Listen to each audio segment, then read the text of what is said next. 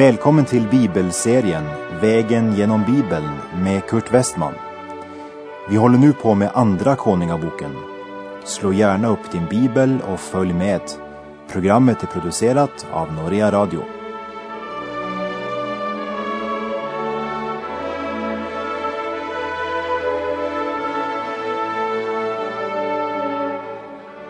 När jag läser berättelsen om Elia och Elisa måste jag säga att det verkligen griper mitt hjärta mer och mer ju mera jag läser om dem. För det är ju något mer än bara en dramatisk skildring. Mitt hjärta har gripits av själva undren som de fick utföra. Och innan vi ska vandra genom kapitel 6 i Andra Kungaboken ska vi se vad aposteln Jakob skriver i Jakobs brev 5, vers 17. Elia var en människa med samma natur som vi. Men när han bönföll Gud om att det inte skulle regna kom det inget regn över landet på tre och ett halvt år. I en annan översättning står det Elia som också fick lida bad en bön om att det inte skulle regna och det regnade inte på jorden under tre år och sex månader. Att tjäna Gud och att leva rikt med Gud betyder inte att man är fritagen från Guds tuktan i livet, tvärtom. I Hebreerbrevet 12, vers 6-8 står det Ty den Herren älskar, den tuktar han och han agar var son som han har kär. Det är till er fostran som ni får utstå lidande. Gud handlar med er som med söner. Och var finns väl en son som inte tuktas av sin far? Om ni inte får en sådan fostran som alla andra, då är ni oäkta barn och inte riktiga söner profeten Elia som också fick lida. Han var alltså inte fritagen från lidande, kamp och nöd. Men han upplevde också Guds hjälp i nöden och gjorde erfarenheter tillsammans med Gud som är helt okänt för den som aldrig upplevt några prövningar i livet. Elia och Elisa två profetgestalter med samma kallelse från Gud, men ändå så olika personer. Men med samma natur som du och jag, det vill säga samma förutsättningar. Vi kan säga att Elia var en offentlig man, medan Elisa inte var i rampljuset på samma sätt. Tänk bara på hur Elisa handlade när Naman skulle befrias från spetälska och från sin stolthet. Elia och Elisa, två olika personligheter. Men båda var Guds män, Guds redskap i Guds tid. Och Gud är densamme idag. Och det är min bön att vandringen tillsammans med Elia och Elisa skulle skapa en helig längtan i våra hjärtan. Ja, att vår vandring genom ordet skulle göra oss till lärjungar som tror både på Guds vilja att gripa in och Guds makt att göra det han vill. För han kan gripa in och förvandla också idag. Så låt oss följa profeten Elisa som nu undervisar vid profetskolan. Och låt oss vaket följa med, för det är väl knappast något av Elisa under som så uppenbarar Elisa personlighet och karaktär som yxjärnet som flyter upp. Vi läser i Andra Kungabok 6, vers 1. Profetlärjungarna sade till Elisa, se rummet där vi sitter inför dig är för trångt för oss. Elisa undervisade vid den tidens teologiska seminarium, profetskolan. Skolans elevtal växte och de behövde större föreläsningssal. Och det var på grund av Elisa och den andliga kraft som följde profeten. Så det var mera en teori. Och styrkan vid vart teologiskt bibelinstitut är de som undervisar där. Det är inte förstklassiga lokaler eller en smart strategi eller speciella metoder som är det avgörande. Och vi lägger märke till att man bygger inte ut för att på det sättet skapa växt. Men man växte och därför byggde man ut. Det är en växande församling. Och vi läser i vers 2. Låt oss därför gå till Jordan och därifrån hämta varsin timmerstock så att vi där kan bygga oss ett annat hus att sitta i. Han svarade, gå. Studenterna bygger själv skolan. Det är ju inte så vanligt idag. Utan idag ska allt läggas helt till rätta för studenten i hopp om att locka honom till utbildningen. Och om det ändå inte passar dem gör de uppror och satsar på något annat. Men dessa studenter tar fatt på uppgiften och profeten Elisa uppmuntrar dem. Gå, säger han. Och nu ska du noga lägga märke till vad en av studenterna säger i vers 3. Men en av dem sade, var god och gå själv med dina tjänare. Han svarade, ja, jag skall gå med. Pris ske Gud, vilken frisk vind som vilar över dessa ord. Det säger något om den personliga relationen mellan elev och lärare. Och det säger något om eleven. Här är inte en elev som önskar vara fri från läraren när undervisningen är slut. För han har inget i sitt liv som han känner behov för att dölja men han önskar att ha sin andliga ledare med i allt vad han gör. Och Elisa säger inte att när undervisningen är slut så är också hans arbetsdag slut. Nej, profeten går med.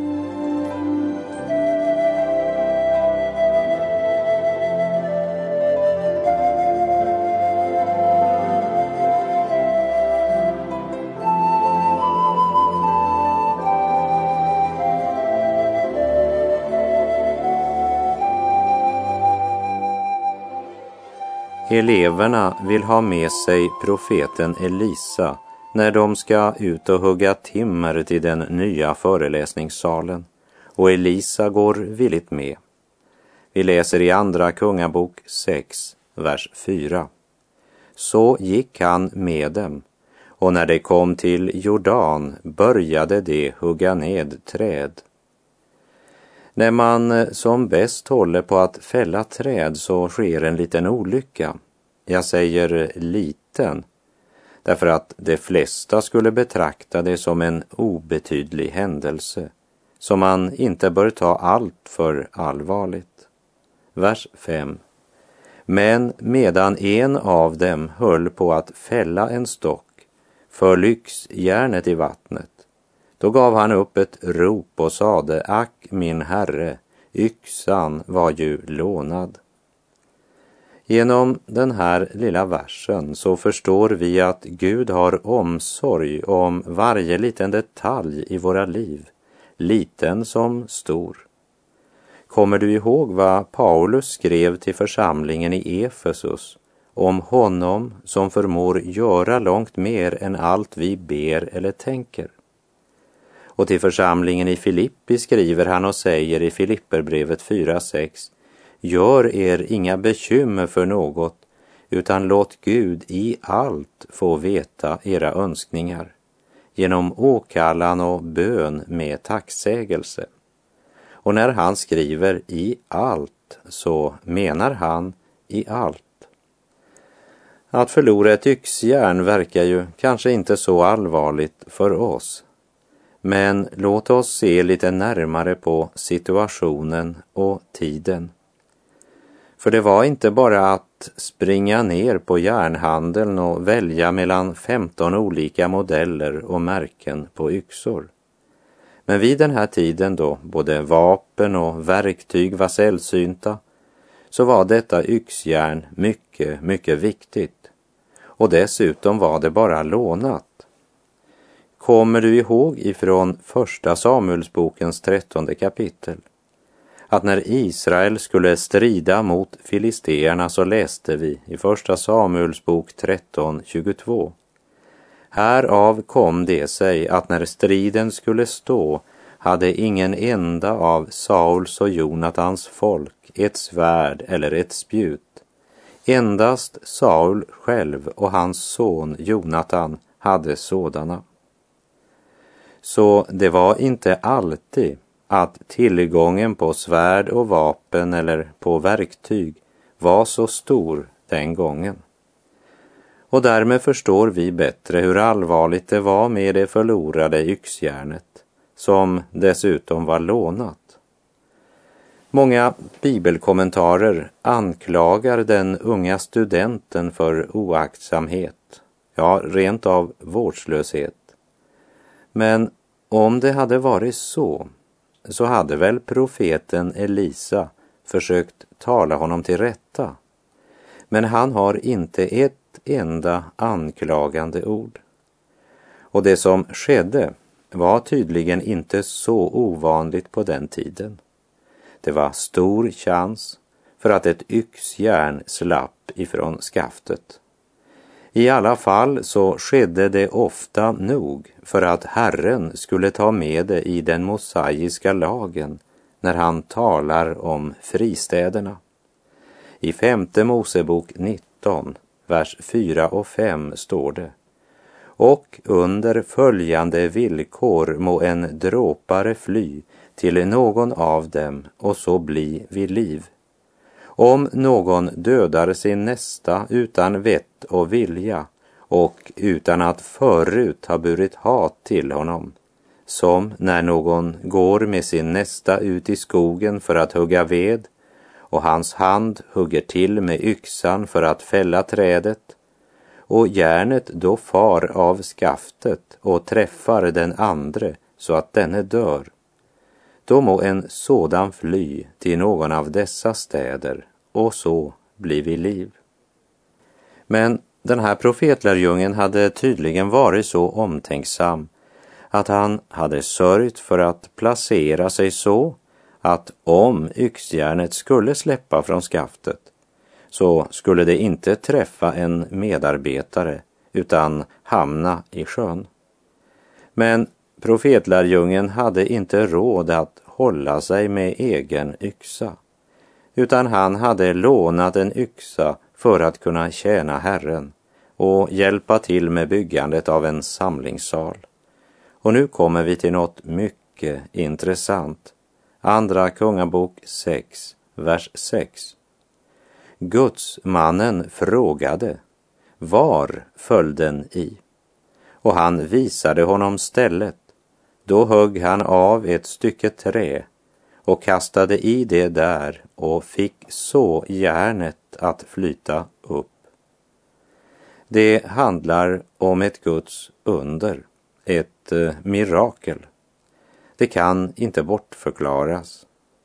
Det var inte sensationellt, inte så i ögonfallande som att resa upp till himlen med en eldvagn. Men det här undret är ett under som är stort genom sin enkelhet. Men ett under är det när yxjärn flyter upp. Det strider mot alla naturlagar. Men det ligger en djup andlig hemlighet i yxjärnet som sjunkit så djupt i Jordans dy, men som lyftes upp, eller uppstår om du vill, och så gett tillbaka till ägaren, placerad på skaftet igen och därmed åter användbar. Och i det ligger en andlig lärdom. Livet är lånat och syndafallet har fått människan att ramla av skaftet och människan har sjunkit djupt i syndens dy, totalt förlorad. Elisa kastar ett stycke trä i vattnet. Gud reste ett kors av trä på jorden, på vilket Jesus dog för att försona alla våra synder. Och han gick ned i dödens vatten för dig och mig. I första Petrus brev kapitel 2 och vers 24 står det. Och våra synder bar han i sin kropp upp på korsets trä för att vi skulle dö bort från synderna och leva för rättfärdigheten. Och genom hans sår har ni blivit botade. Den fallna människan kan idag lyftas upp från dödens och domens vatten genom Jesus Kristus. Han kan sättas på skaftet av Guds plan och tanke igen och bli ett användbart redskap. Paulus säger i Filipperbrevet 4.13 allt förmår jag i honom som ger mig kraft. Och vidare, jag glömmer det som ligger bakom mig och sträcker mig mot det som ligger framför och jagar mot målet för att vinna segerpriset, Guds kallelse till himlen i Kristus Jesus. Det är inte längre nödvändigt att leva ett liv utan mening. Det att leva utan mål i livet, det har drivit tusentals människor till självmord. Och livet är verkligen inte värt att leva om man sjunkit djupt i dyn i Jordans vatten. Först när Kristus genom sitt kors, sin försoningsdöd, lyfter dig tillbaka till Guds fullkomliga plan får livet verklig mening.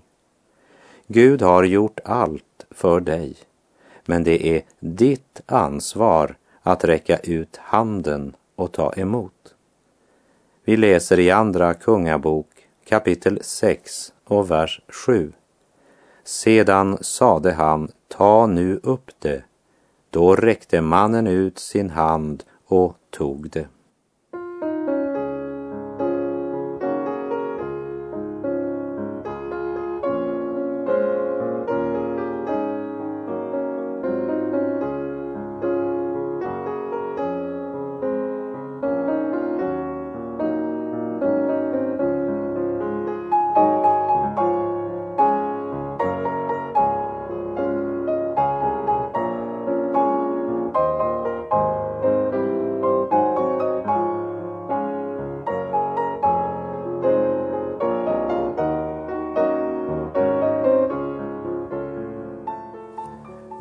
Kristna idag far nog så fort förbi dessa kära avsnitt i det gamla testamentet.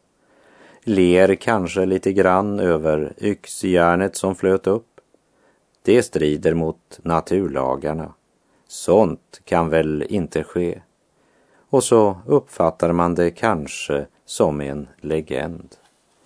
Du bor i ett tryggt och gott land är inte i nöd och fara, inte i behov av Guds kraft. Du klarar dig så bra utan under. Du är inte i behov av att den helige och allsmäktige gör ett ingripande i ditt liv. Men ändå är det den stora nöden i vårt land och våra bygder. Tron på Guds under och på undrens Gud har tappats bort.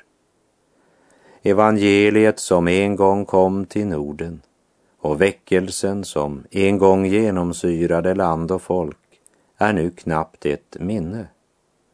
Gåvan vi fick, andligt talat för att fälla träden till att bygga och låta Guds rike växa, har vi tappat i sjön.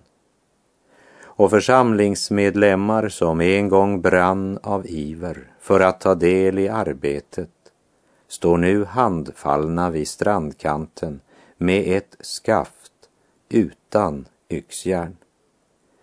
Men det underliga i den situationen är att man inte har stoppat arbetet. Tvärtom, man är mera aktiv än någonsin. Arbetet är så välorganiserat. Det är så många, många aktiviteter och yxskaft produceras på löpande band. Och vi slår med våra skaft på träden och hela skogen bullrar och vibrerar av slagen. Det låter faktiskt ganska bra. Det låter som när man hugger i skogen. Det låter så riktigt. Men problemet är, det fälls inga träd. Därför att yxjärnet ligger på sjöbotten. Just det. Yxjärnet ligger på botten och folk börjar bli oroliga. Varför faller inga träd, undrar man. Vi måste hitta på något nytt, säger en. En ny strategi, säger en annan. Vi måste följa med tiden. Vi måste tala om att det är inte yxjärnet som är det viktiga, utan skaftet. Att skaftet verkligen används. Vi får försöka med en ny aktivitet, något som fångar uppmärksamheten. Vi har tappat yxjärnet. Vad säger Guds ord om skapelsen? Vad säger Guds ord om äktenskapet? Om fostermord? Om homofili? Om vårt förhållande till pengar? Om helgelse? Om under? Om yxjärnet? När etiken mördades och moralen försvann, då blev livskvalitet ersatt med kvantitet.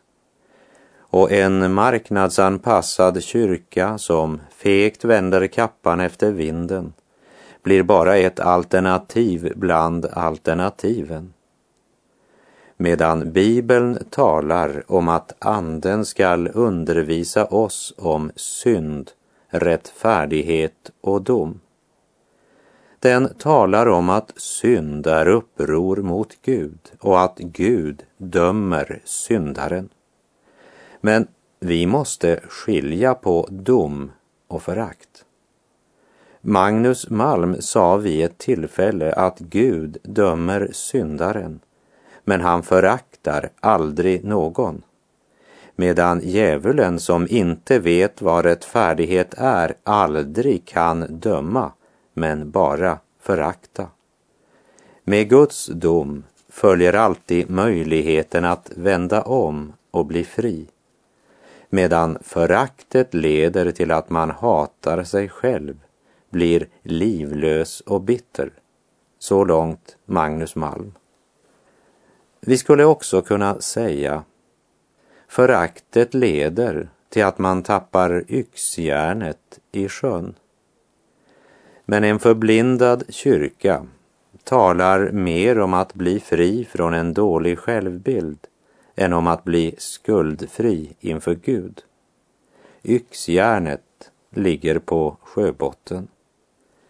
Vad gjorde profetlärjungen när man tappat yxjärnet i sjön?